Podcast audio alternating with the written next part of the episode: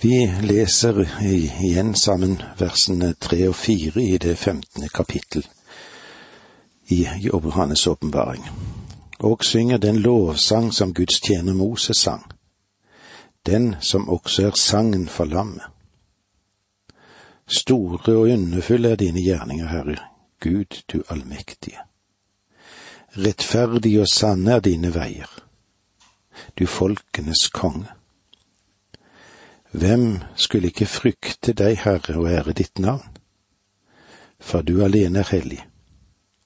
Alle folkeslag skal komme og tilbe for ditt åsyn, fordi dine rettferdige dommer er blitt åpenbare. Den lovsang som Guds tjener Moses sang. Noe av dette var vi innom når vi var samlet sist og hvordan det går med den forløste skare og den forløste gruppe. Nå vil vi òg se hvordan det er med de som går fortapt. De vil aldri anerkjenne Han som sin forløser. Men eh, det de kommer til og eh, måtte få oppleve, er at de blir tvunget til å erkjenne at det er Han som er sjefen. Det er Gud som styrer universet, og det tilhører ham og sønn og de skal måtte anerkjenne Guds herlighet. Det finnes ingen vei utenom dette. For de dine rettferdige dommer er blitt åpenbare. Dette vitnesbyrdet som kommer fra vitner i denne spesielle perioden, er en sterk bekreftelse. Ja, det burde feste seg i de troendes sinn, dette, ut fra den sannhet at Gud har rett i alt det han gjør.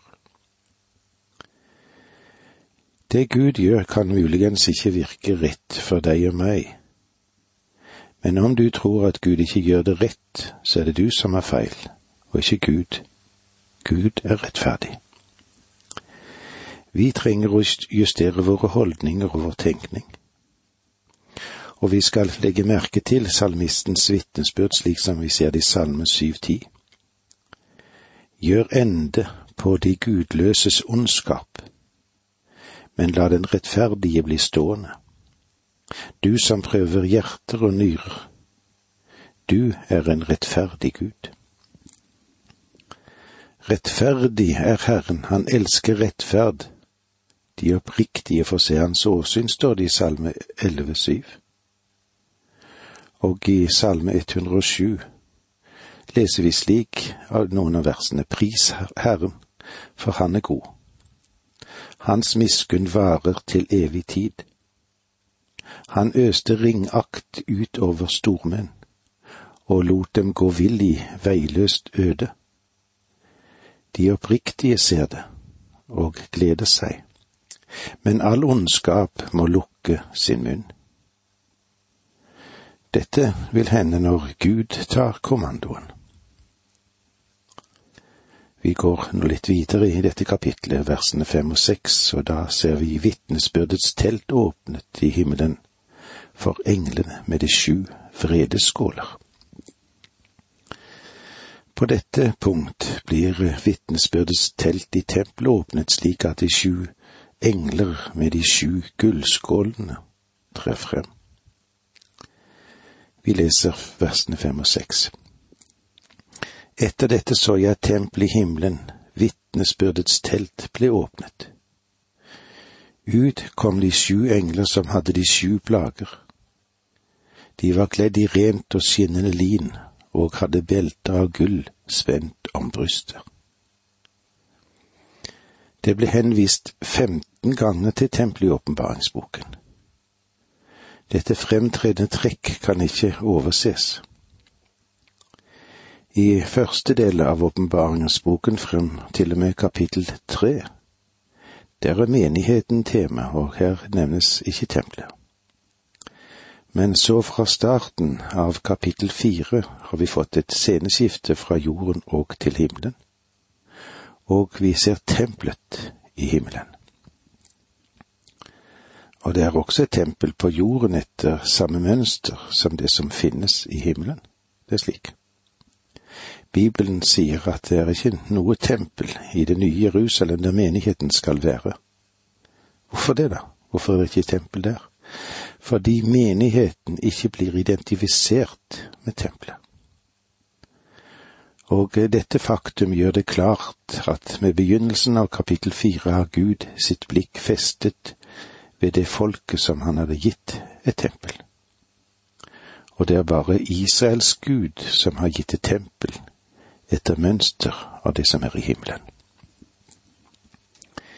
I dette tilfellet her går henvisningen spesielt til tabernaklet. Og det aller helligste er vitnesbyrdets ark, der den blir oppbevart. I arken fantes der steinta fantes. Både tabernaklet og steintavlene, de var duplikater av originalene som finnes i himmelen i annen Mosebok 2540. Se til at du gjør arbeid etter det forbildet som jeg har vist deg på fjellet. Og så har vi i Hebrebrevet 9.23. De jordiske bilder av de himmelske ting må altså renses på denne måten. Men selve den himmelske helligdommen må renses ved offer som er bedre enn disse. Selve originalen henvises til i Åpenbaringen 11.19. Da ble Guds tempel i himmelen åpnet, og kisten som er tegnet på hans pakt ble synlig der inne. Og det kom lys og drønn, tordenbrak og jordskjelv og store hagl. Guds handling her er basert på overtredelse av hans pakt med Israel. Den brutte lov. Gud er rettferdig i det han er i ferd med å gjøre nå. Han vil dømme. Deretter vil han sluttføre sin pakt med Israel. Den fremstående plass denne boken gir til engler, blir vi igjen minnet om når englene trer frem i en ny sammenheng. Tidligere så møtte vi engler som blåste i de sju basuner. Og her har vi en ny serie på sju engler som har de sju plager som finnes i de sju vredeskåler. At englene går ut fra tempelet understreker at de nå går bort fra nådens trone, og nå handler Gud i rettferdighet, og ikke primært i nåde. De var kledd i rent, skinnende lin. Englene kledd i lin. En annen lesevariant er de kledd i dyrebare steiner. Dette er et variabelt uttrykk på grunn av at en variant finnes i teksten. De var kledd i lin eller dyrebare steiner. Det virker som intensjonen er at deres klesdrakt sinte som om de skulle være besatt av dyrebare steiner. Selv om deres klesdrakt forteller at de har en prestelig aktivitet foran seg, så er denne aktiviteten ikke ut fra nådens, men den er ut fra rettferdighetens forutsetninger. Belter av gull, det forteller hvor englene står i Kristi tjeneste. For han har ikke lenger en prestelig funksjon Nei, nå opptrer han her som verdens dommer. Versene sju og åtte. Et av de fire vesenene ga de sju englene sju gullskåler fylt av Guds frede. Han som lever i all evighet. Og tempelet ble fylt med røk fra Guds herlighet og makt. Og ingen kunne gå inn i tempelet før de sju plagene fra de sju englene var fullført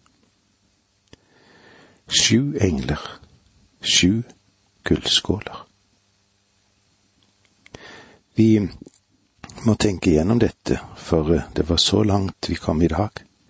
Takk for nå, må Gud være med deg.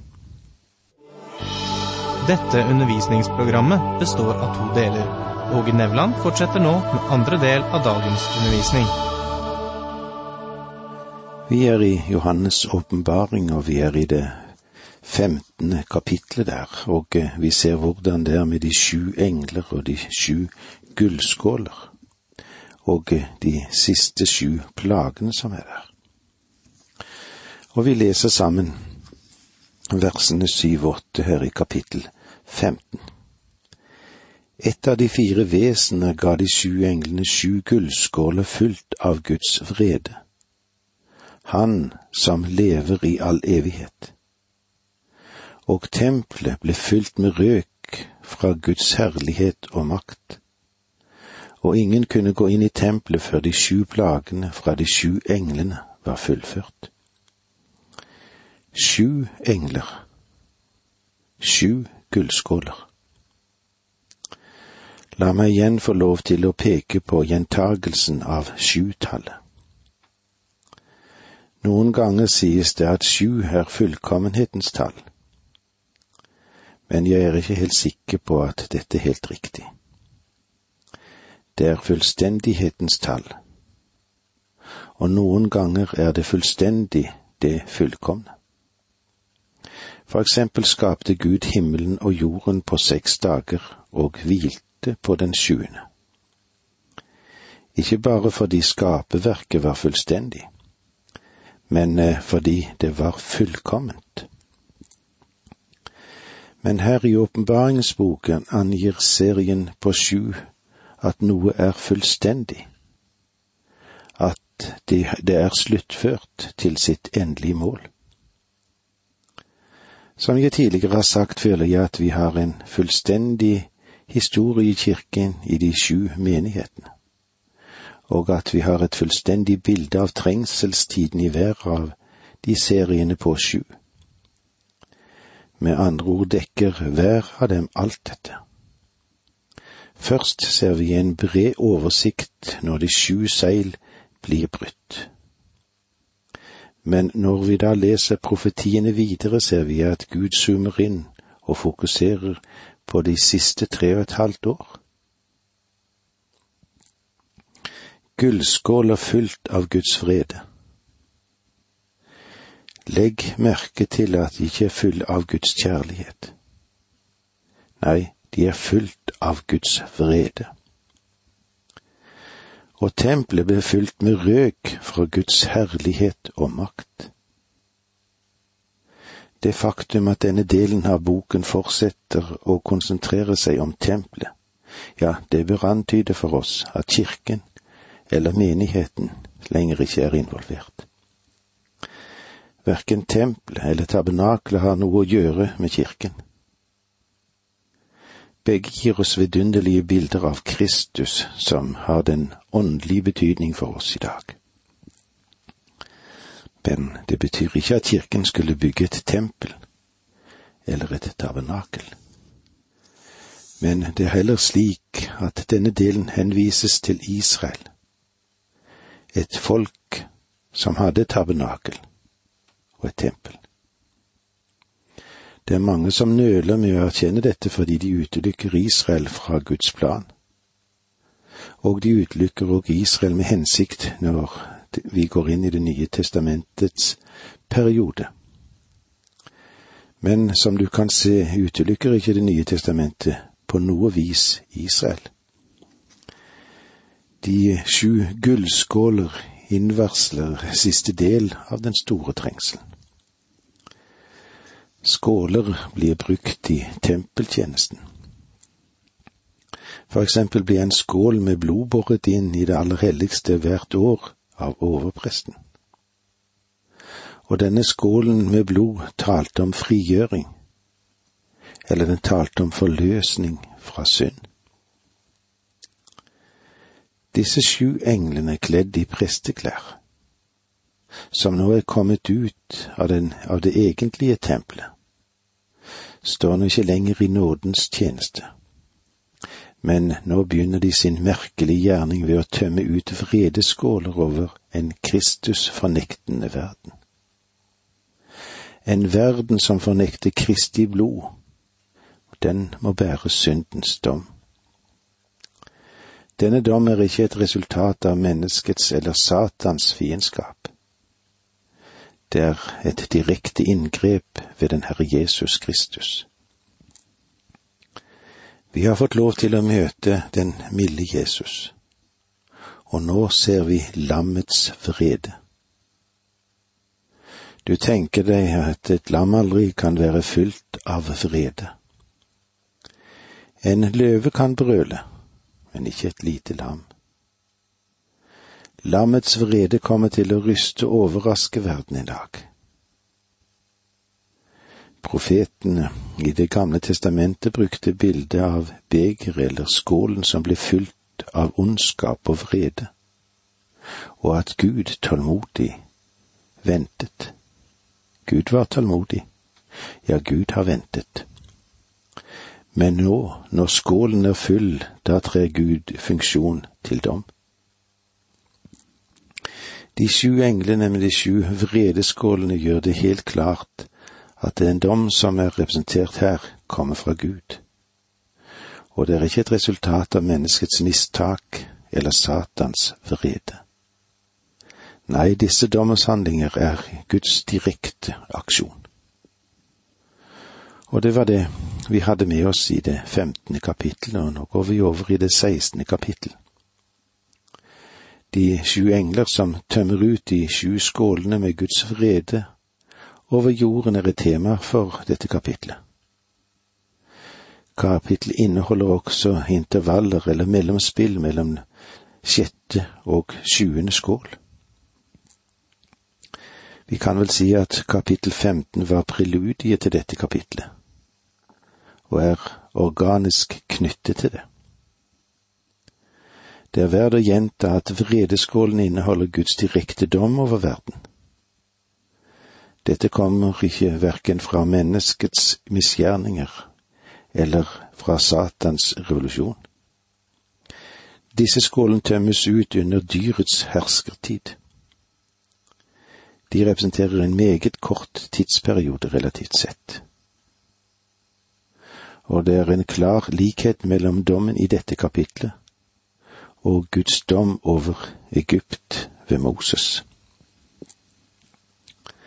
Idet vi skal gå inn i det første verset her i kapittel 16, så kan vi kanskje sette som overskrift Forberedelse til den avsluttende dom under den store trengsel. Vi leser vers 1. Så hørte jeg fra tempelet en høy røst som sa til de sju englene, Gå av sted og tøm de sju skålene med Guds vrede utover jorden. La meg få minne dere om at den Herre Jesus er fremdeles den som fører befalet. Han er lederen. Husk så langt tilbake til som til kapittel fem, der den Herre Jesus var den eneste som var funnet verdig til å åpne boken med de sju segl. Og når han åpnet disse segl, så innverslet han hele denne serien av hendelser knyttet sammen med sju enheter. Det er han som har kommandoen til slutten av denne boken. Det er han som marsjerer mot seier Makten og herligheten og majesteten, det tilhører ham. Dette er en dom over en Kristus fornektende verden. Faderen har overgitt all dom til ham. Kristus er den som gir kommandoen når disse sju englene sendes ut til den avsluttende dom. Det er ikke lenger noen utsettelse. Her er ingen forlenget ventetid. Timen er kommet. Ordren ble gitt, og de sju englene setter denne ordren i funksjon. Det er vanskelig for menneskene, dette, selv for kristne, å tro at Gud vil tømme ut sin vrede over en opprørsk og gudfiendtlig verden, og så ødelegge denne sivilisasjonen. Men alt det dere ser i dag, det er under Guds dom. Jeg tenker på hva den Herre Jesus sa til apostelen da de kom for å vise ham de vidunderlig vakre tempelbygningene. Han sa til dem, Ser dere ikke alt dette? Sannelig, jeg sier dere, det skal ikke bli sten tilbake på sten. De var rystet og overrasket over at han ville si noe slikt. Men selv dette strålende byggverk, som han mente bare sto under Guds blide åsyn, sto faktisk der under hans dom. Den verden vi lever i nå, må vi vente at det vil bli et oppgjør med Gud. Selv for oss troende er det hardt å akseptere dette, men det er slik. Etter mange desennier med forkynnelse fra norske prekestoler, ja, så tror gjennomsnittsmennesket at Gud bare lys og livets søtningsstoff. Disiplene ville heller tenke noe slikt eller tukte noen. Vel, åpenbaringsboken den forteller noe helt annet. Og i vers to her i kapittel 16 leser vi slik, da gikk den første bort og tømte sin skål utover jorden. Og vonde og farlige byller slo ut på de mennesker som bar dyrets merke, og tilba bildet av det. Og med disse ordene sier vi takk for nå, må Gud være med deg.